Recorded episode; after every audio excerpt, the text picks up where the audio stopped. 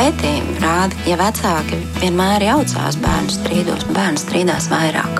Tas ir tomēr tas veids, kā vecāku uzmanību piesaistīt. Mēs tiekamies ģimenes studijā.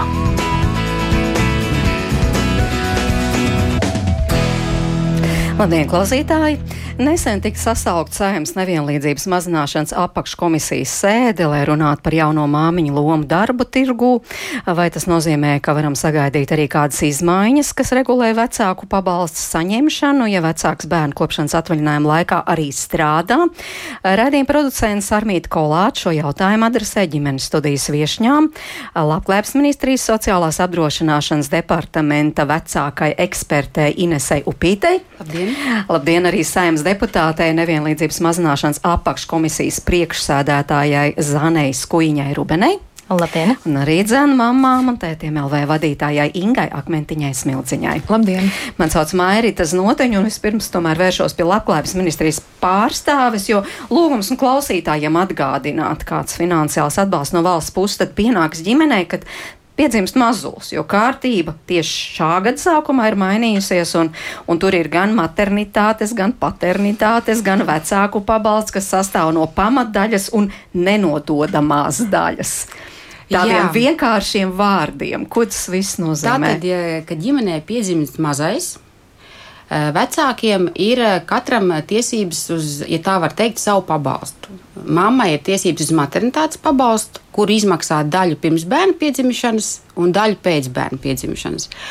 Savukārt tētim ir tiesības uz desmit uh, darba dienu ilgu atvaļinājumu, paternitātes atvaļinājumu, ko viņš var pieprasīt pusgadu laikā pēc bērna piedzimšanas.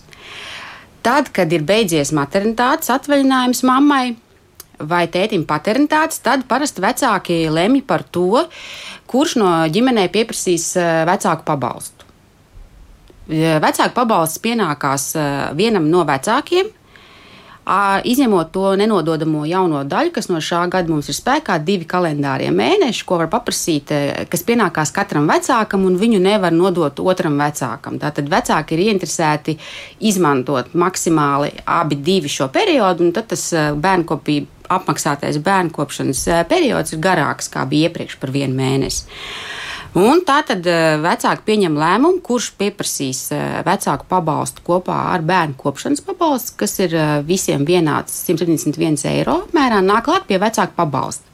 Vecāki savā starpā var mainīties vecāku pabalstu saņemšanas laikā. Kādu brīdi saņemt viens, kādu brīdi saņemt otrs. Jauninājums ir tas, ka šo divu mēnešu nenododamo daļu vecāki var izmantot vienlaicīgi, un viņi ir apmaksāti vienlaicīgi abiem. Tātad es kā mamma izvēlos, ka es to laiku ar bērnu pavadīšu kopā lielāko daļu, un tad, piemēram, bērnu tēvs var eh, pēc savām iespējām, gan darbā, gan vēlmēm, pielāgoties un tās savu divu mēnešu periodu izmantot vienlaicīgi ar mani, kamēr es saņemu uh, vecāku pabalstu. Vai arī kamēr es saņemu maternitātes mm -hmm. pabalstu. Jā, jā, bet jaunā ģimenē jau arī jālēm, cik ilgs būs tas periods. Jā, viņi, 13 mēneši, 19 jā, mēneši, jā, un mēs... arī mainās tas valsts atbalsts, tātad vecāku pabalsts. Jā, mainās mm. atbalsts, atbalsta apmērs nemainījās, tāds kā viņš mums bija iepriekš īsākā periodā, ja izvēlās ir 60% no iepriekšējiem ienākumiem, ja garākā periodā 43,75%. Mainījās no šā gada tas, ka mums agrāk bija izteikts līdz bērna gada vai pusotra gada vecumam, Šobrīd mēs to periodu izteicām mēnešos, dēļ tā, ka ir šie divi kalendāri mēneši, kas ir nenododami katram vecākam. Kā vecāki biežāk izmanto visas šīs iespējas? Esat pasekojuši līdzi, apmēram pusgads ir pagājis, biežāk izvēlas saņemt vairāk un būt kopā ar bērnu īsāku laiku, vai saņemt mazāk, būt kopā ar bērnu garāku laiku. Jā, Kā mēs tētiem tur iet ar, ar tiem sekojam, diviem mēnešiem. Mēs sekojam līdzi dinamikai visu laiku. Uh, un nemainīgi kopš vecāku pabalstu ieviešanas faktiski lielākā daļa ir eh, mammas, kas izmanto vecāku pabalstu. Un līdz pusotra gada, nu, to garāko periodu ir kopā ar mazo. Uh, apmēram tie ir 83% no vecāku pabalstu saņēmējiem ir mammas, atlikušie ir tēti. Ja mēs skatāmies uz strādāšanu, tad apmēram 14% no visiem vecāku pabalstu saņēmējiem ir tie, kas izvēlās strādāt paralēli. Nu jā, bērnu kopšanas atvaļinājums pienāks pusotru gadu. To nosaka darba likums. Kā jūs teicāt, vecāki var izvēlēties tur tos 13, 19 mēnešus, bet faktiski jau nu, vienā vai otrā gadījumā ir kaut kāds brīdis. Ja vecāki grib to pusotru gadu izmantot, tad tomēr viņi panāk, e, paliek vispār bez ienākumiem. Nē, nu viņi eh, kaut kādu varbūt mēnesi, jā, bet šobrīd ir maksimāli, ja viņi secīgi izmanto šo atvaļinājumu, abi divi apmaksāto. Tā tad mamma visu un savus divus mēnešus, plus vēl tēdes divus mēnešus, tad izveidojās šie 19 mēneši. Un tad tas pārāvums līdz uh, tam brīdim, kad bērnam ir jānodrošina pašvaldībai, kur pieskatīt bērndārs, tur paliek apmēram mēnesis. Nu, bet katrā ziņā finansiāli ģimene zaudē. Mēs runājam par procentiem uh, no saņemtās Tas būs ļoti individuāls situācijas, jo ir daļa, ir, ir vienmēr bijuši arī agrāk, ir bijuši ģimenes, kur vecāki apzināti izvēlās uh, maksimāli izmantot darba devēju uh, pie, nu, to doto bērnu kopšanas atvaļinājumu, lai arī viņš beigās bija neapmaksāts divus mēnešus. Ja? Ir ģimenes, kas jau ir laicīgi jau meklē kaut kādas alternatīvas, kur to bērnu atstāt, kas viņu pieskat un dodas atpakaļ darba tirgu ātrāk. Dažādi. Ģimenes jau parasti to ļoti rūpīgi izvērtē. Protams, risinājumi dažādi, bet faktiski jau tomēr finansiāli ģimene zaudē. Tajā brīdī, kad bērniņš tiešām ir nācis pasaulē. Uh, jā, ja jūs skatāties uz mani, tad uh, patiesībā uh, tas iemesls, kādēļ mēs vispār šo jautājumu skatījām apakškomisijā, ir tāds, ka ar mani sazinājās viena jaunā māmiņa, kur arī pateica, nu, ka viņa labprāt atgrieztos darba tirgū, bet viņa to nevar, jo, nu, attiecīgi viņas zaudētu šo iespēju saņemt šo, nu, tātad um, bērnu kopšanas uh, pabalstu. Uh, ja es pareizi, ja es precēju, vecāku, vecāku jā, vecāku pabalstu. Ļoti atvainojos, ir ārkārtīgi grūti šajā visā tā ātri, mm, ātri orientēties. Uh, nu, lūk, un, un tas bija tas iemesls, kādēļ mēs šo jautājumu skatījām uh, arī nevienlīdzības mazināšanas apakškomisijā. Un, uh, Un arī pirms tam pētot šo, šo konkrēto jautājumu, nu, tur parādījās patiesībā ļoti daudz nu, tādu ieguvumu. Ja mēs teiksim, šīm mamām ļautu ātrāk atgriezties darba tirgu, un, nu, manuprāt, Covid ļoti labi parādīja, ka mēs, protams, strādāt arī attālināti.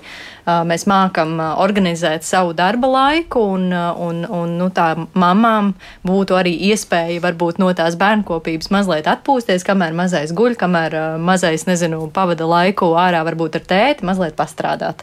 Un, un nu, jā, jā, un es domāju, ka tas būtu tāds ļoti labs ieguvums. Vēršos pīņas akmentiņas mm. smildziņas, jūs tur tomēr ciešā kontaktā ar tām jaunajām mamām esat, un, un tiešām tur ir tāda divējāds aspekts, jo ļoti būtisks visu laiku virmo gal, gaisā. No vienas puses, tiešām liela pateicība, ka pie mums tik ilgi var būt kopā mm. ar bērnu. Un zinām, ka lielākā daļā Eiropas valstu, arī pasaules valsts, nekas tāds vispār nav. Un pat sapņos mm. nerādās. Mm -hmm. No otras puses, eh, jā, gan šis finansiālais zaudējums, gan arī pārāvums darba attiecībās. Nu, tā divi būtiski aspekti. Un, un, un tur apakšā ir vēl arī citi aspekti patiesībā, ne tikai šie. Un, uh, mēs kā organizācija esam ar Labklājības ministriju runājuši jau kopš um, Reira kungs bija ministrs un par, tieši par šo nodarbinātības jautājumu, jo um, vecāki um, vai mamma vai tēvs, kurš saņem to vecāku pabalstu, uh, viņi strādā un viņi uh,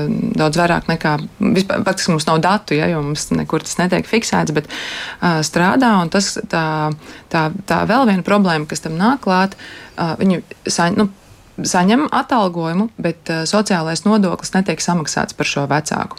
Es izstāstīšu no mūsu pieredzes uh, gadījumus, kas ik pa laikam notiek, ka uh, mums ir āršķirta autori, kas ir nu, radošās profesijas īpaši darītāji, un, un, un tad pienāk laiks, ka mums jāizmaksā autora atlīdzība, un izrādās, ka šis konkrētais vecāks vai pakalpojums sniedzējs ir bērnu kopšanas atvaļinājumā, un tad um, saka, nē, es nevaru saņemt šo atlīdzību pats, bet ir nepieciešams slēgt autora līgumu ar kādu citu. Ja, vai, vai nu partneri, vai nu kādu citu tuvu cilvēku. Un šajā gadījumā tiek zaudēts sociālais nodoklis, ko šis konkrētais vecāks būtu varējis saņemt.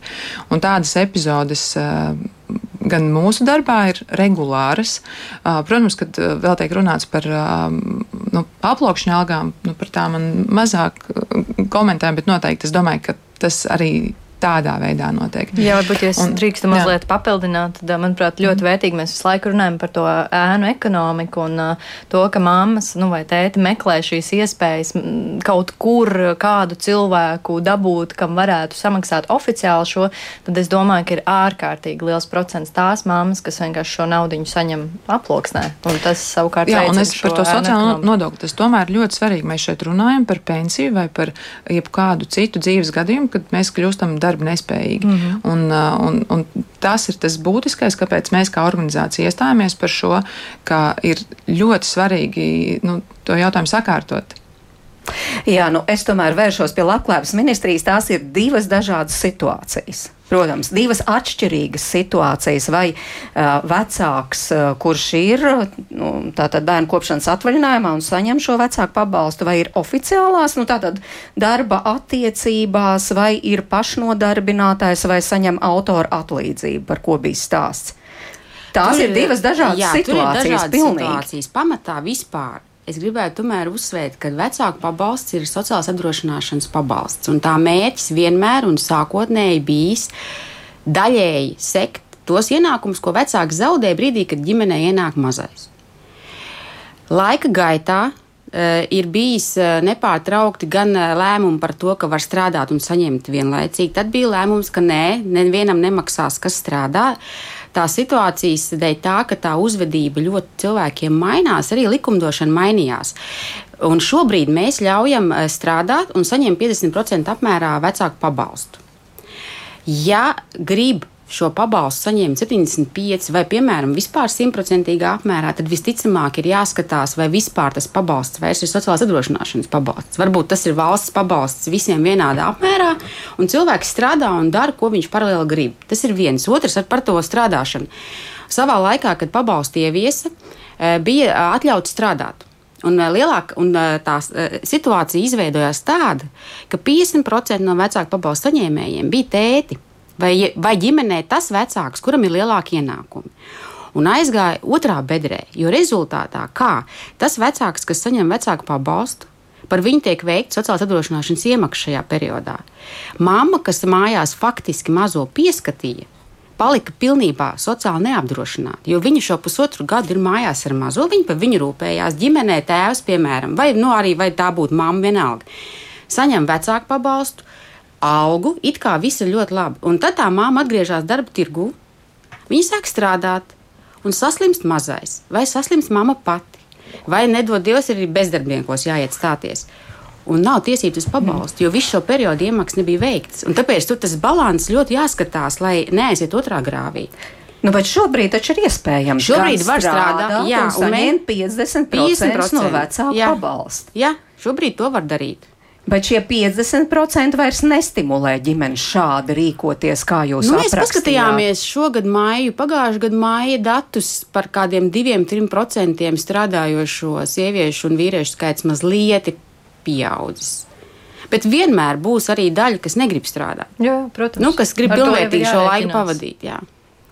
Jā, jūs piekrītat, ka tur ir būtiski, cik liels mēs tiešām labi, autora atlīdzības un pašnodarbinātie tūlīt vēl izrunāsim, bet, nu, ja tiešām ir tādas nu, attiecības ar darba devēju, kas maksā konstantu algu, tad cik būtiski, vai ir tie 50% kā šādi, vai, vai kā daudz gribētu, nu, tad tomēr tas ir jāceļ uz 75%, un vai tur ir kādi argumenti? Nē, nu, protams, ka mēs jau arī aizskatījām, mazliet runājām par to, ka mm, nu, skaidrs, ka tās ir sociālās iemaksas, no kurām tas ir valsts budžets, tas ir milzīgs sloks uz valsts budžetu. Un skaidrs, ka jebkādas šādas izmaiņas, jebkura um, šo procentu celšana, tātad, ja mēs izdomājam pacelt par 75%, tas uzreiz ir nu, milzīgs sloks uz budžetu. Un mēs patiesībā arī gaidām šobrīd uh, tās aptuvenās uh, izmaksas, kādas tās varētu būt. Um, ja mēs teiksim, pieņemam lēmumu virzīt šo ideju par šiem 75%, lai saprastu, kāds būtu tas sloks uz to budžetu. Um, bet, nu, protams, tas, tas jautājums ir arī ārkārtīgi komplicēts. Mēs jau šeit uh, vien pāris 20 minūtēs runājot, esam uh, tik daudz šautnes uh, saskatījuši, ka tur mm -hmm. ir mhm. vienkārši jāskatās tādā ļoti lielā kopumā tas viss. Nu, bet ko tas Un, atrisinātu? Ja palielinātu šo procentu, es domāju, nu, es gribētu teikt, ka tās mammas varbūt vairāk un ātrāk iesaistītos tajā darba tirgū, ka viņām būtu šīs abas iespējas, jo šobrīd ir iespēja uh, saņemt vienu minimālo mēneša algu, manuprāt, mēnesī, ja es nemaldos, plus šos 50%. Uh, un ja būtu, teiksim, tieši 75%, nu, es pieļauju, es tā gribētu domāt, ka tās mammas būtu varbūt vairāk motivētas arī strādāt un, un, un nepazaudētu. Arī, arī strādātu legāli to, ko un strādāt legāli, nelegāli. tieši tā, jā. Un, bet es, um, nu, te ir tā problēma, jo, jā, jo taisnība ir, protams, jo viens ir, ja tu strādā kā nezinu, daļai darba slodzi, bet, eh, bet cilvēki, kā jau jūs minējāt, eh, attāl, Covid laikā saprata, ka viņi attālināti var sniegt atsevišķus pakalpojumus, vienalga vai autora atlīdzību, vai izrakstot rēķinu par pakalpojumu, un, un, un, un cilvēki meklēs to, tās iespējas, jo mēs zinām, cik kāda ir bijusi inflācija, un, un ka pabalsti tik strauji neskrien līdzi. Un, Un bērnu ienākšana ģimenē vienmēr saistās ar vēl papildus izdevumiem, neatkarīgi no tā, vai ir inflācija vai nav uh. -huh. inflācija un cik tā ir liela. Un, un, un tā pašā laikā, lūk, ir uh, vēl kas šeit nepieminētie pabalsti, piemēram, uh, bērnu piedzimšanas pabalsts un arī bērnu kopšanas pabalsts. Nu, tie nav, nu, labojiet, man ir mainījušies, bet viņi desmit gadus nav mainījušies, lai gan tiem uh, es uzreiz varu pateikt, tātad bērnu piedzimšanas pabalsts ir mazliet virs 400 eiro un bērnu kopšanas pabalsts ir 171 eiro. Un, un ja desmit gadus tie nav mainījušies, es, es tiešām esmu pārliecināta, ka šiem pabalstiem jau nu gan vajadzētu būt sasaistītiem ar minimālo uh, algu valstī. Ja tā tad mums tā ir šobrīd 620 eiro, tad tai būtu, tiem būtu jābūt 620 eiro. Un šādas lietas, var iestrādāt, nefantazējot, vai celt 75% vai 50%, bet uh, ka ir kaut kas, kas notiek automātiski. Mēs, mums lielākā daļa vecāku nedzīvo ārkārtīgā pārbagātībā. Kāpēc, kāpēc tie ienākumi tiek nu, slēg, slēpti vai slēgti līgumi ar citiem cilvēkiem? Tikai tāpēc, ka visi meklē vai daudzi meklē papildus iespējas. Mm. Un, uh, un, un negrib atgriezties pilnā vai daļējā slodzē. Darba specifikas ir dažādas, bet liekt saņemt to, to, to piepelnīšanās iespēju, es domāju, ka tas ir nepareizi. Mm -hmm. Jā, varbūt pakomentējiet uh, Ingas teikto, un uh, tad arī gribu jautāt, cik atšķirīga ir tā situācija, ja tiešām mamma vai tēvs ir pašnodarbinātais vai autora atlīdzības saņēmējs. Jā, ar autora atlīdzības saņēmējiem tur ir divas situācijas. Vienā gadījumā ir, uh, vienā gadījumā par viņu, piemēram, apdrošināšanas iemaksas veids tas, kas ir pasūtījis to nu, viņa darbu. Un šādā gadījumā viņš maksā pilnas nodokļus kā pašnodarbinātā persona, un viņa nevar vienlaicīgi pēc tam saņemt kaut kādu pabalstu un strādāt. Savukārt, ja autora atlīdzības saņēmējs reģistrē saimniecisko darbību, tad kā pašnodarbināta persona. Jā, jā, tad ir jāskatās, ja viņam tie ienākumi ir līdz minimālajai algai, viņš veic iemaksas tikai pensiju apdrošināšanai, tad viņš pēc tam nekrāja nekam citam uz īstermiņa pabalstiem, tad viņš var saņemt pabalstu pilnā apmērā un to autora atlīdzību, kas tur varbūt ir līdz tam minimālajai algai. Savukārt, ja tā autora atlīdzība ir lielāka par minimālo algu, tad, tad, tad viņš maksā pilno likmi, un viņš nevar vienlaicīgi saņemt pabalstu un pilnā apmērā un uh, arī autora atlīdzība. Nu jā, tā pavirši skatoties, tiešām šķiet, nu viss ir sakārtots, jo var strādāt vienā vai otrā situācijā, var, var vismaz daļēji, tātad pusi vai veselu pabalstu saņemt, bet kāpēc ir šī situācija, par ko jau runāja Inga Akmentiņa smildziņa, tātad vēlme nevis legalizēt un pateikt, jā, es strādāju, man lūk, ir šādi ieņēmumi, kā piemēram pašnodarbinātai personai vai, vai autora atlīdzība. Eh, bet slēpt šos ienākumus? Nu, eh, tā, kā jau mēs pirms tam pārnājām, tā, tā diskusija par iespējamiem apmēriem strādājošiem mainīt, uz, eh, celt uz lielāku, vai, piemēram, ir bijis arī diskutēts jautājums, kad maksāt pēc slodzes, vai tā ir daļslodzes, vai trešdaļa, vai kā. Bet mēs skatāmies, ka tajās valstīs, kur tas agrāk ir bijis, viņas lēnām no šī atsakās, jo gan tā kontrola, gan uzraudzība, gan reģistrēšana, un tas ir darba devējiem jāsniedz informācija par katru nedēļu par šīm stundām, tas ir sarežģīti.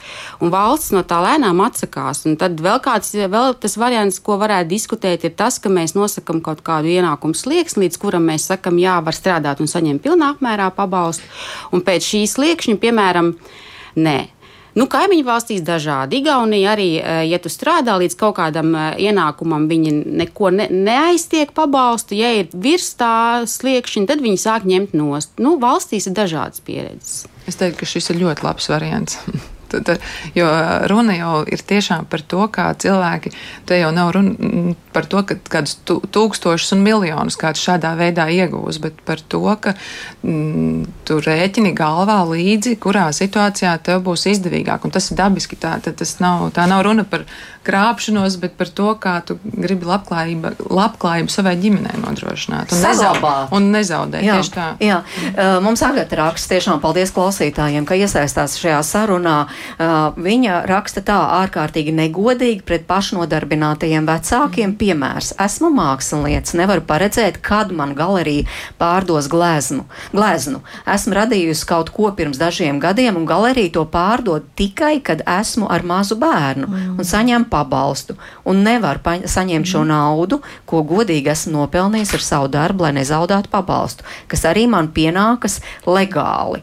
Un vēl tātad darbiniece no apdrošināšanas aģentūras man pati ieteica, lai šo naudu saņem mans vīrs. Esmu diskomfortā, ka man jāveic šādas mahinācijas valsts nesakārtotas sistēmas dēļ.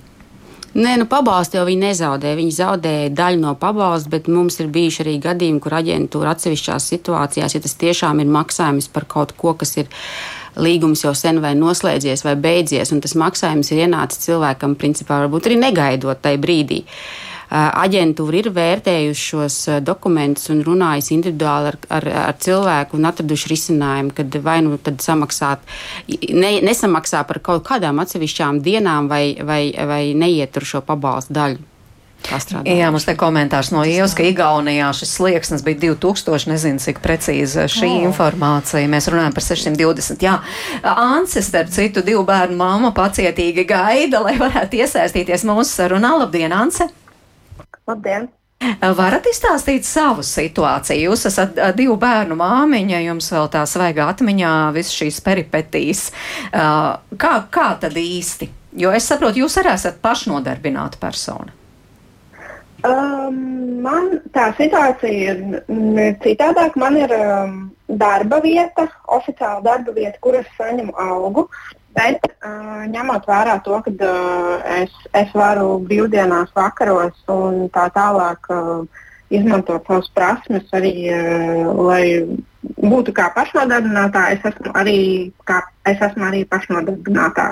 Man ir uh, nav tādi tā kā, regulāri darbi un uh, regulāri ienākumi, bet tādi pa periodiem, to tā var teikt. Un kā jūs rīkojaties? Es saprotu, jūs tomēr arī bērnu kopšanas atvaļinājuma laikā darījāt šos darbiņus, kā jūs sakāt, neregulāros. Jā, nu, respektīvi, man, man ir divu bērnu kopšanas atvaļinājuma pieredze. Uh, viens bija sāk, sākot no 18. gada, un viens bija sākot no 21. gada. Tā 18. gadā bija, nebija tas tik ļoti aktuāli, bet tad Tāpat tās bija, uh, bet nu, tajā pēd, pēdējā reizē principā, es um, atsāku tādus, uh, tādus uh, darbiņus, un tā jau, jau tad, kad man liekas, ka um, mazajam bija kaut kādi trīs mēneši. Es, es reāli jūtos nedaudz noziedznieks, kā runājot par šo, bet no, es izstāstīšu savu pieredzi vispār. Uh, Bet, nu, jā, nu, respektīvi, man, man, man ir tādi, bija tādi, ir pa, pa periodiem tādi tā kā darbi, ja to varētu nosaukt par intelektuālo darbu, um, kuras rakstu kā, projektus uh, gan uh, biedrībām, gan, gan uh, pri, privātu personām, nu, ja tā var teikt. Un tad, uh, jā, veicu šos darbus, un um, beigās, kad es zvanīju gan uz vidi, gan uz um, VSA, vienā brīdī es vispār nesapratu, vai es šajā periodā pat drīkstu reģistrēties kā pašnodarbinātais, bet tur es nezinu, vai tur bija kaut kāda nu, komunikācijas kļūda vai kaut kas tamlīdzīgs.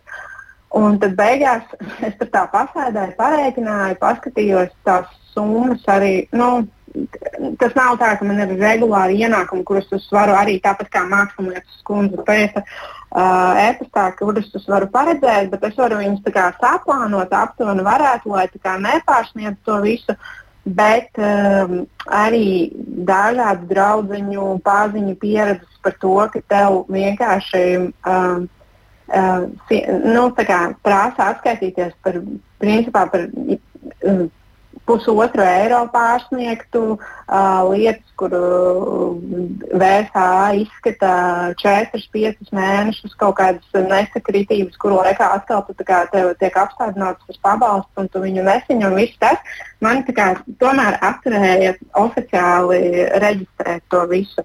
Kā jūs rīkojāties, un, kā jūs to noformējāt? Nu, nu, manā gadījumā tas, ir, tas bija vīrs, citos gadījumos es zinu, kad ir mammas, māsas, brāļi, vīri, visi pārējie, ar kuriem vai nu slēdz līgumus, vai kuri raksta rēķinus, tur aptuveni tas darbības profils varētu sakrist lai arī tajā pretējā pusē, protams, vienmēr ja pārliecinātos par pretējo pusi, vai tas ir ok, nu, vai, vai viņiem tas tā der.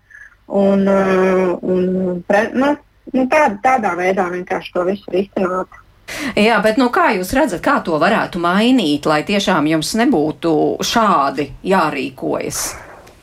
Mm, es pirms tam par šo pašu padomāju. Es, es vienkārši par savu pieredzi varētu pateikt, tā, ka man īstenībā, zinot to, ka es to varēju darīt, vajadzēja pieregistrēties jau, jau iepriekš, un tad varbūt noteikti tā sekot līdzi tam visam un, un, uh, un rēķināt. Bet tad, kad es, man beidzās bērnu kopšanas atvaļinājums, uh, es oficiāli pieregistrējos um, uh, kā pašnodarbinātā, nu, lai kā, darītu to visu tā oficiāli, lai man ir paralēli darba alga un pašnodarbinātais.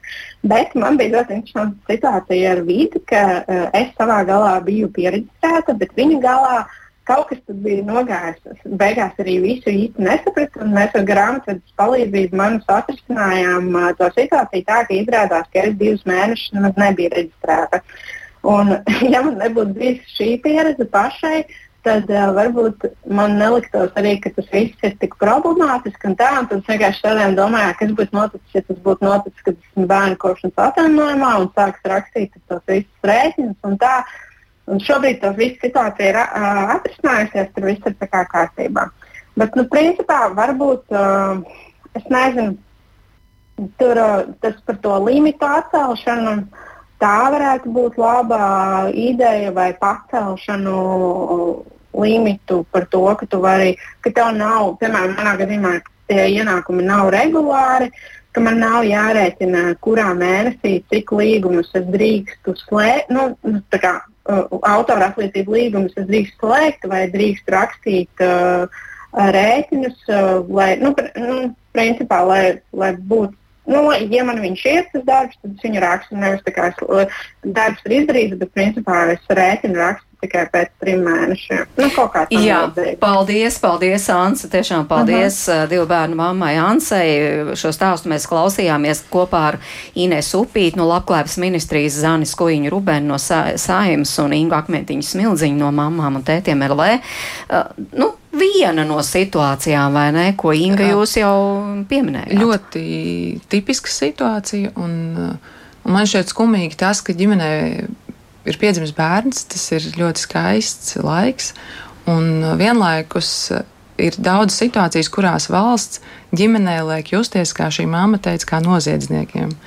Um, slēgt kaut kādus līgumus ar citiem, un tu, tu gribi darīt, gribi pelnīt, un mēs runājam par šobrīd ļoti mazām summām. Mēs runājam par minimālu algu, mēs runājam par, par ļoti maziem apjomiem. Un, un tas, ka tā ģimenei ir jājūtas, tā, ne, tā nevajag būt. Tas nav pareizi un tas nav valstiski pareizi. Un, un, un tāpēc ir paldies, ka šī diskusija ir pacelta un tā ir jāatrisina. Jā, es eh, gribētu piebilst, ka tā diskusija, saprotu, jau no, 3, no 13. saimas mm. ir bijusi, un es saprotu, ka arī Sociālo un darba lietu komisijā šis jautājums ir skatīts, un eh, tad, tā tad bija šis uzdevums arī Labklājības ministrijai nodots eh, vienkārši meklēt risinājumu šim, jo šis nav vienīgais stāsts, ir ļoti daudz manā paziņu lokā vien, ir vismaz trīs šādi gadījumi, kur ir arhitekti, dažādi radošo industriju pārstāvi, kur labprāt vakaros, sestdienās, sēdienās pastrādā, gribētu oficiāli šo izdarīt, bet nevar un, un vienkārši pārvērš šos līgumus uz uh, saviem, uh, saviem uh, nu, otrajām pusītēm, vai vīriem, vai brāļiem, vai māsām.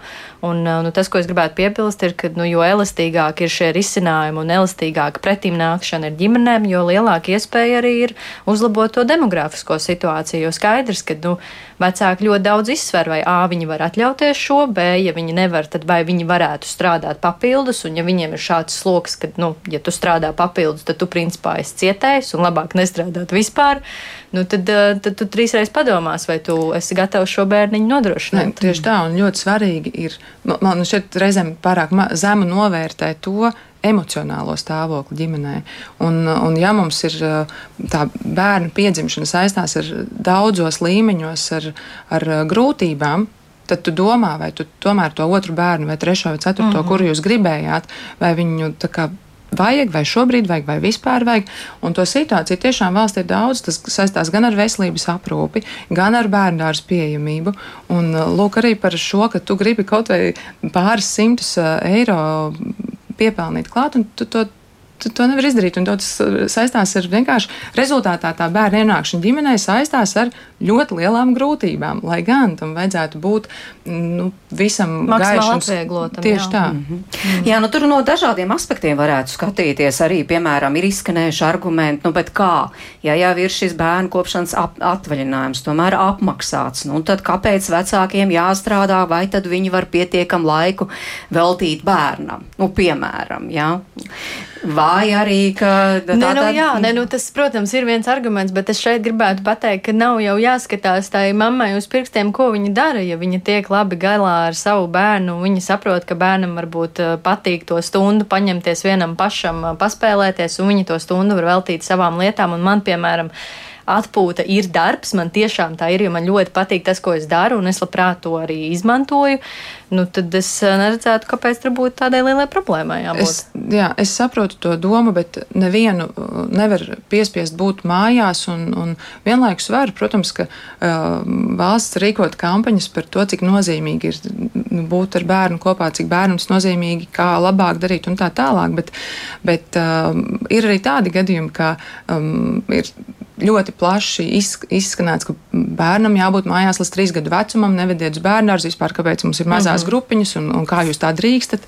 Un ko tas vecākam nozīmē? Ko tas, ko tas emocionāli nozīmē, ka varbūt tas uh, vecāks vienkārši ir tādā emocionālā stāvoklī, ka viņš nevar būt trīs gadus kopā, un, un tad veidojas tuvā pamestība. Ja? Bērns tā, tev ir mājās, tu esi baigi godīgs pilsonis. Tā kā teica reku psihologs vai ģimenes studijā stāstīja, ka līdz trīs gadiem man jābūt mājās, bet īstenībā tu ar to bērnu neesi ne emocionālā kontaktā, tu, tev ir grūti ar viņu spēlēties, grūti būt, grūti izturēt, un ir šī jā, pasaules problēma, tuvā pamestība. Tas, tas nevienam nav nepieciešams, un tā, tā tas īsti nestrādā.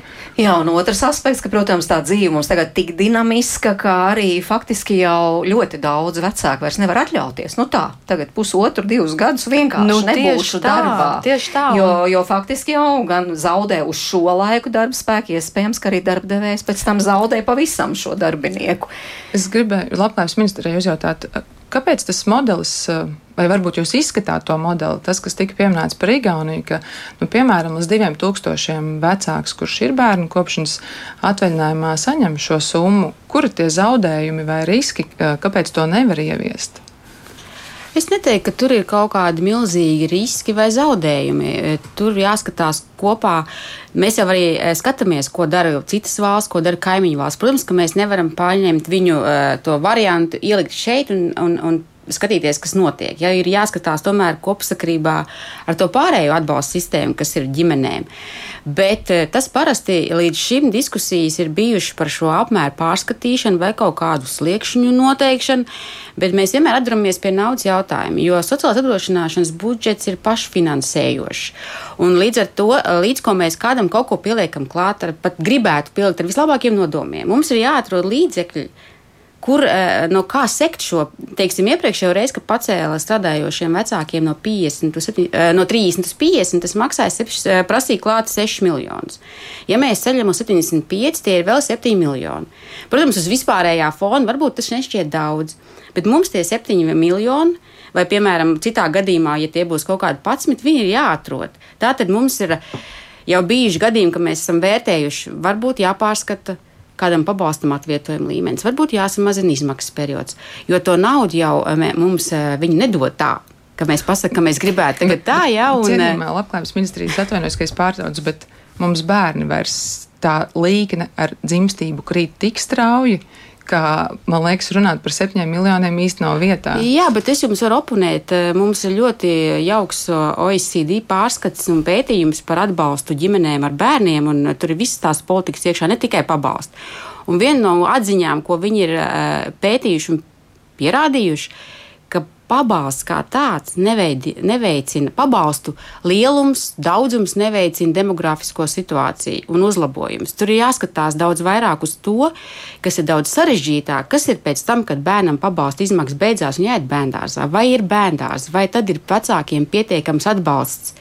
Ne jau tas pabalsts jau, mēs viņu varētu uzcelt arī 1000 eiro apmērā. Nē, nē, bet es runāju par to, tos 2000 par to, ka var vecāks pelnīt. Es nerunāju par pabalstu 2000 apmērā, bet par to, ka vecāks, kurš ir bērnu kopšanas atvaļinājumā, ka viņš drīkst saņemt ienākumus, nopelnīt 2000. Es jau nerunāju pasargu Dievs, ka mums nevajag 2000. Jā. Mm. Es, es pilnīgi Jā, par, mēs pie tā arī šobrīd strādājam un skatāmies, kādas ir tās iespējas, kas būtu visoptimālāk mūsu situācijā. Jā, bet es gribu pavirzīt to sarunu arī tomēr tajā virzienā, ka būtiski arī rosināt gar darba devējus, pieņemsim, lai saglabā saikni ar šo vecāku, kurš ir bērnu kopšanas atvaļinājumā. Jo, kā es teicu, laiks ir garš un tas nav tikai naudas jautājums, arī šo profesionālo prasmju zudums, varbūt kaut kādu kontaktu zudums. Mums ir pirms kāda laika šeit Latvijas rādio bija demogrāfa Zana Vārpiņa, viņa tieši uzsvēra šo aspektu, ka varbūt ir vērts tiešām Nu, lai tas vecāks paliek kaut kādās attiecībās ar savu darba devēju, strādājot uz ceturdaļu slodzi, piemēram, un nezaudējot šo uh, valsts atbalstu. Jā, vai, vai vispār par šo arī tiek runāts? Skatos, te mums arī, piemēram, kāds klausītājs raksta, kā, kāpēc tad nevar, piemēram, Artūrs. Jā, es īsti, vai, vai tiešām valsts zaudētu, ja vienkārši maksātu pilnu algu un pilnu pabalstu. Mm. Tad tam pabalstam, kā apdrošināšanas pabalstam, vairs nav jēga. Tad ir jārunā par to, ko mēs esam arī kā ministrija rosinājuši šī pabalstu finansēšana jāpārceļ uz pamatu budžetu. Tas varbūt izklausās sarežģīti, bet jāatcien nos no iemaksām veiktajām. Un tad, jā, kāpēc ne? Mēs varam pateikt, pilns pabalsts, pilna alga. Nu, piemēram, ne pilna alga, nu, ceturdaļa slodze darbā, piemēram, ceturdaļa slodze un plus simtprocentīgs pabalsts. Tās slodzes, kā es jums jau teicu, no slodzēm pārsvarā valsts mēģina atteikties, jo tas, tas Tas ir sarežģīti. Arī darba devēji, eh, viņi varbūt grib eh, tā teorētiski runāt un teikt ceturtais sloks, bet tad, ja viņam mm. nāks un teiks, ka katru nedēļu tev ir jāraksta katram darbiniekam stundas un jāuzskaita, un mums ir kategorijas, kam nemaz tas nav jādara, tā administrēšana ir dārga, kontrole tad mums būs jākontrolē, kas kontrolēs, kā kontrolēs. Atkal viss dusmosies, ka ne, neskaitāmi papīri darba devējiem un iestādēm. Nu, bet tie būtu tie pirmie solīši, nu, vai tā saikne, kā varētu saglabāt? Es, es vēl, vēlreiz par to Igauniju. Tātad, ja saglabā pilnu pabalstu un ļauj vecākam nopelnīt līdz 2000 mēnesī, tas man šķiet ļoti cienījami un pat vieglāk kontrolējami. Ne, es absolūti piekrītu, ka slodzu, slodzes rēķināšana ir ļoti sarežģīta. Īpaši, ja cilvēks strādā attālināti, īpaši ar mazu bērnu uz rokām, nu, nu, nu, mm. ka, nu, tas ir, tas nu, jā, ir ļoti sarežģīti. Plus mēs arī runājam gan par šo ekonomisko ieguvumu, ka tā, tā, tā vairs nebūs ēnu ekonomika, tā būs, tas būs ieguvums valsts budžetam attiecīgi. Un tad jau, nu, jo no tās naudas jau būs tāpat jānomaksā šis nodoklis. Jā, nu te arī tāds no Jāņa puses pretarguments, kā var strādāt bērnu kopšanas atvaļinājumā. Bērnu pabalsts attiecībā pret algu vienmēr ir mazāks un piestrādāšana ļauj nezaudēt dzīves līmeni, jo bērns ir lieli ieguldījumi, ratiņi, gulta, drēbes un papildus izdevumi, tur pārtika, pamperi un bērnu ienākšana ģimenē nedrīkst būt pašsaprotam kā dzīves līmeņa krišana un nabadzības risks. Citādi nav jābrīnās, ka jaunās ģimenes skatās šaubīgi uz otro bērnu, kur nu vēl trešo un nākamo nākamiem. Jā. Jā, bet nu, tiešām arī tā darba pasaule ir ārkārtīgi izmainījusies. Tas vairs nav kā bija pirms pieciem, desmit gadiem, un, un, uh, un, un, un darba iespējas ir dažādas, kā man te arī izskanēja, attālināts darbs un tam līdzīgi. Un, uh, piemēram, šis jautājums ir ļoti, ļoti dažāds. Mamma kāda raksta, esmu doktorantūras studente, un valsts jau tā diskriminē zinātniekus, jo viņiem saņem, uh, saņemt vecāku pabalstu ir sarežģīti, bet viens no to topošā zinātnieka doktorāta uzdevumiem ir arī pasniegt lekcijas. Es to darīju. Lekcija kurs divu mēnešu garumā. Man vajadzēja reizi nedēļā četras stundas būt ar studentiem. Atalgojums ļoti, ļoti mazs, bet Latvijas universitāte nevar slēgt autoru līgumu, tikai darba līgumu, un beigās tad vienojāmies mutiski, ka universitāte tos grašus man izmaksās, ka bērnu pēc bērnu kopšanas atvaļinājuma beigās, bet beigās tad sanāca, ka to lekciju kursu es pasniedzu un iztērēju jā, kredītā. Nu, tādas situācijas. Es zinu, mm -hmm. vispār ar zinātniekiem. Es zinu, ka tiesības sargs arī pievērš uzmanību. Piemēram, zinātnieki, uh, kur ir iesaistīti vai jaunās zinātnieces, piemēram, iesaistīts pētījumos. Tur arī ir tā, ka to pētījumu tev piedzimst bērns, un tu, tu nevari pārtraukt. Un, un mums līdz, vajadzētu, jā. es gribētu pieminēt, ka mums tiešām vajadzētu normalizēt arī to, ka sievietes ir karjeristas, un ir sievietes, kas ir zinātnē, un ir sievietes, kas ir augstos amatos un, un darbojās un vēlas to savu karjeru veidot. Un skaidrs, ka šādā veidā nu, viņas tiek diskriminētas. Un tas ir vēl viens jautājums, par ko ir nu, teiksim, tas, ko jūs pieminētais zinātnieču jautājums. Nu, tā ir ļoti liela problēma. Nu, bet vai, piemēram, labklājības ministrijas līmenī arī jūs tā skrupulozi pētat? Nu, jā, nu kā tad tur, piemēram, tai doktorantē būs, vai kā būs tā zinātniecei, pieņemsim, kur, kura tiešām varbūt iesaistīta kādā pētījumā, vai, vai kā, bū, kā, kā risināsies šīs specifiskās situācijas, jo tas rāmis ir tomēr viens ļoti konstants, orientēts uz visiem, bet nu nezinu, vai visiem der.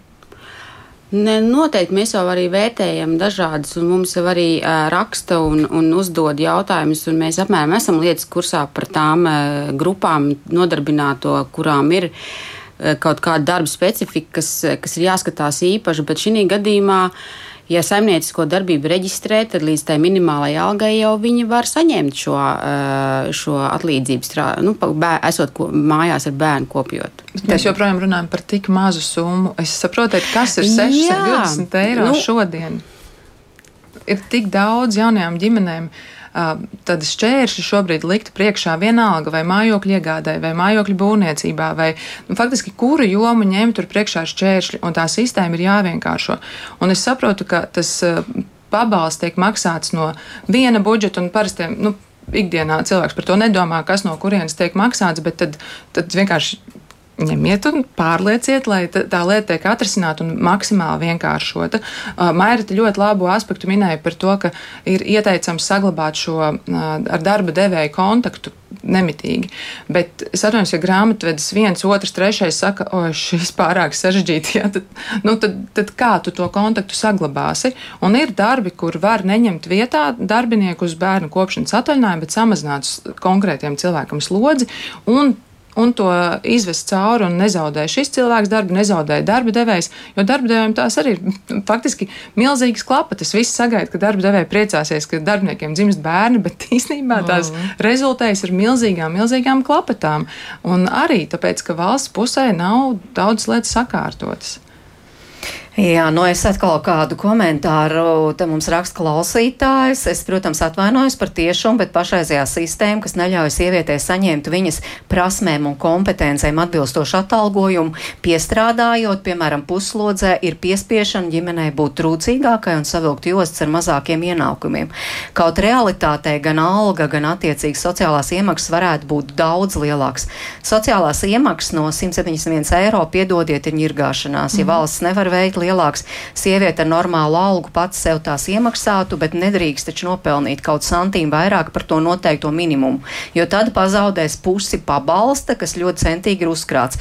Jebkurā variantā sieviete ģimene paliek zaudētājos ar plānāku maciņu un mazākām sociālām iemaksām. Jā, jo Nē. arī šie, principā tas laiks, kamēr tā māma pavada um, ārpus darba vidas, viņa jau zaudē arī pie tās pensijas un sociālās iemaksas. Un tas jau arī ir, principā, vēl viens uh, mīnus, kas ir, nu, kas vīriešiem. Es mazliet oponēšu no pagājušā gada 1. janvāra apdrošināšanas iemaksas tiek veikts gan no vecāku pabalsta, gan no bērnu kopšanas pabalsta. Tātad, mm. ja man vecāku pabalsts, piemēram, ir 600, un eh, bērnu kopšanas pabalsts 171, tad no kopsummas par mani tiek veikts eh, iemaksas pensiju apdrošināšanai. Tas tika izmainīts, un, un eh, šobrīd jau vairs ne, nevarētu teikt, ka viņas ir neaizsargātas, un tāpēc viņām mm -hmm. būs mhm. daudz mazāk tā pensija. No kura brīža? No pagājušā, no 2022. gada 1. janvāra. Jā, tas, tie, tas bija tiešām kopīgi paveikts darbs, un, un, un paldies par to, jo sievietes šajā pensijas jautājumā tika diskriminētas, bet vai ir domāts par to bērnu kopšanas pabalsta palielinājumu, tiem 170 71 eiro, ko es arī iepriekš minēju,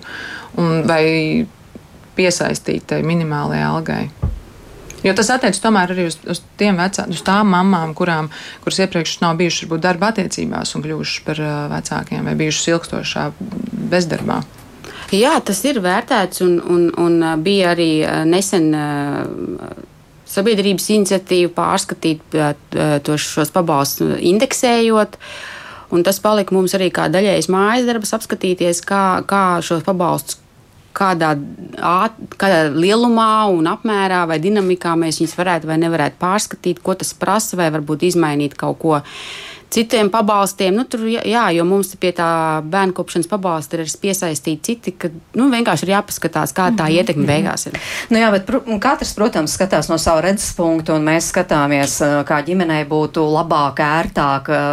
Piemēram, Jānis, mūsu klausītājs, raksta, vai nav diskriminācija pret bezbērnu darbiniekiem, kuri paliek nosektās sievietes, kas aiziet bērnu kopšanas atvaļinājumā, bet saņem tikpat algu vajadzētu pieņemt jaunu darbinieku, nevis uh, um, nu, tādu tradīciju izdzīt visus kā zirgus, ja, un, un nepieņemt. Tas nav normāli. Ir jāpieņem vietā jauns uh, darbinieks uz noteiktu laiku, nevis jāizdala slodze. Tas, uh, tā nav diskriminācija pret darbinieku, tas ir darba devēja noteiktā ētikas jautājums. Jā. Atgriežos pie tā, ar ko mēs sākām. Tātad eh, faktiski jau 23. gads, tātad šī gada sākums, un daudzas eh, nu, tādas ģimeni, uz ģimeni vērstas un pozitīvas izmaiņas ir izdarīts, eh, kā mēs te dzirdējām, un kā mēs sākumā, es varbūt atgādināšu vēlreiz. Tātad, ir iespēja gan uh, būt bērnu kopšanas atvaļinājumā, gan strādāt, saņemot 50% uh, šī vecāku pabalsta. Uh, ir arī mazliet pagarinājies tas laiks par vienu mēnesi, kura laikā nu, tomēr šī, šis vecāku pabalsts tiek maksāts. Bet nu, no šīs sarunas es saprotu, ka ir vajadzīgas vēl nopietnas izmaiņas. jā, nu es, es gribētu. Un, jā, un, un domājot uz priekšu, nu, bet tad kur tad jūs redzat, kas vēl ir jāpaveic, lai būtu vēl labāk? Es, es gribētu teikt, ka tas virziens noteikti ir pareizais, un, un es īsumā ļoti pateicīga esmu arī nevaldības sektoram, īpaši mamām un tētiem, kas iesaistās šo jautājumu aktualizēšanā, jo skaidrs, ka tādā ikdienas informatīvajā burzmā mēs dzirdam, ka pietrūks tur, nepietiek tur, uh, nevaram atļauties to, un, un tā situācija ir tāda, kā tā ir. Un, protams, ka pa mazam bišķiņam mēs ejam uz priekšu, un tas darbs, manuprāt, tiešām ir ļoti liels ieguldīts līdz šim. Uh, vienkārši tas, ka mēs aktualizējam arī šo jautājumu, tas būtu jau vēl tāds solītis tādā vēl, vēl, vēl labākā dzīves līmeņa virzienā. Un, un mēs arī mūsu apakškomisijā runājām ar Labklājības ministrijas parlamentāro sekretāru, kurš arī teica, ka principā līdz augustam, septembrim ir plānots izstrādāt šos priekšlikumus, kādi tie varētu potenciāli izskatīties. Es domāju, ka tad, kad tie būs arī gatavi, mēs tos droši vien skatīsim vai apakškomisijā vai komisijā, un tad arī virzīsim vienu no tiem labākajiem. Protams, uzklausot noteikti nevaldības organizācijas, ņemot vērā, ka viņas ir tās, respektīvi tās ir tās, kuras nu, vistiešākajā veidā ir saistīts ar šo situāciju. Viens no priekšlikumiem mums raksta, jau nebūtu slikti, ja tad, kad valsts sociālās apdrošināšanas aģentūra sūtot lēmumu par maternitātes un vecāku pabalstu piešķiršanu, uzreiz uzrakstītu, kas ir un kā ir atļauts. Šobrīd ir jaurbis cauri likumdošanai, un konsultanti pašu sistēmu nesaprot, un pat inspektori mēdz nezināt, kas un kā ir atļauts, bet nogriezt pabalstu ir ļoti naski. Nu jā, nu viens no priekšlikumiem, es saprotu, tiešām labklājības ministrija šobrīd aktīvi strādā Jā, pie šī mēs jautājuma. Vērtējam šīs iespējas. Protams, kopsakarībā ar visām budžeta iespējām, bet es noteikti piekritīšu, ka šai nodarbinātības dinamikai ir jāiet ā, apdrošināšanas sistēmai un valstī arī līdzi un jāmainās droši vien attiecīgi. Un eh, vēl tāds labs komentārs. Tiešām jā, jābeidz ar kaut ko tādu jauku. Mums raksta Vineta. Man ir divi bērni, bet es tomēr uzskatu, ka Latvijā ir ļoti laba sistēma. Māmas var būt ar bērnu ļoti ilgi salīdzinot ar citām Eiropas valstīm. Un strādājošie nevar nodrošināt visus ar pabalstiem. Tā neviens nekad negribēs strādāt. Vienīgais risinājums pie lielākiem pabalstiem būtu mazāks termiņš. Daudz kur Eiropā ir tikai gads kopā, ko pavadīt ar bērnu. Nu, jāpiebilst vēl mazāk, vispār pāris mēnešus. Jā, starp citu, tā direktīva, ko mēs pārņēmām, tur viens no nosacījumiem bija tāds, ka jānodrošina ir vismaz četru mēnešu apmaksāts bērnkopšanas atvaļinājums, jo bija virkni valstu, kur tāds vispār nav. Mm. Nu, tad rudenī ģimenes studija atkal atgriezīsies pie šī jautājuma, uzklausīs ieinteresētos un arī klausītājus. Vienmēr esam ļoti pateicīgi, ka iesaistāties mūsu sarunā. Es atgādināšu, ka šodien šeit studijā bija Ines Upīt no Labklājības ministrijas, Zana Skuiņa Rubēna no Saimas un Inga Akmentiņa Smildziņa no Mamām un Tētiem LV. Radījuma producents Armīta Kolāt pieskaņu pults Rīta Kārnača, es maidz notiņu pie mikrofona, tiekamies rīt 5 minūtes pār diviem. Mēs eh, runāsim par, es ceru, daudzām ģimenēm aktuālu jautājumu, kā saorganizēt bērnu pieskatīšanu vasarā, un vai viena no alternatīvām uh, var būt uh, draugu, tātad bērna draugu pieskatīšana. Vai, vai, vai tas tā ir un vai tas tā notiek, uh, par to tātad rīt tiekamies. Un lai jums laba diena!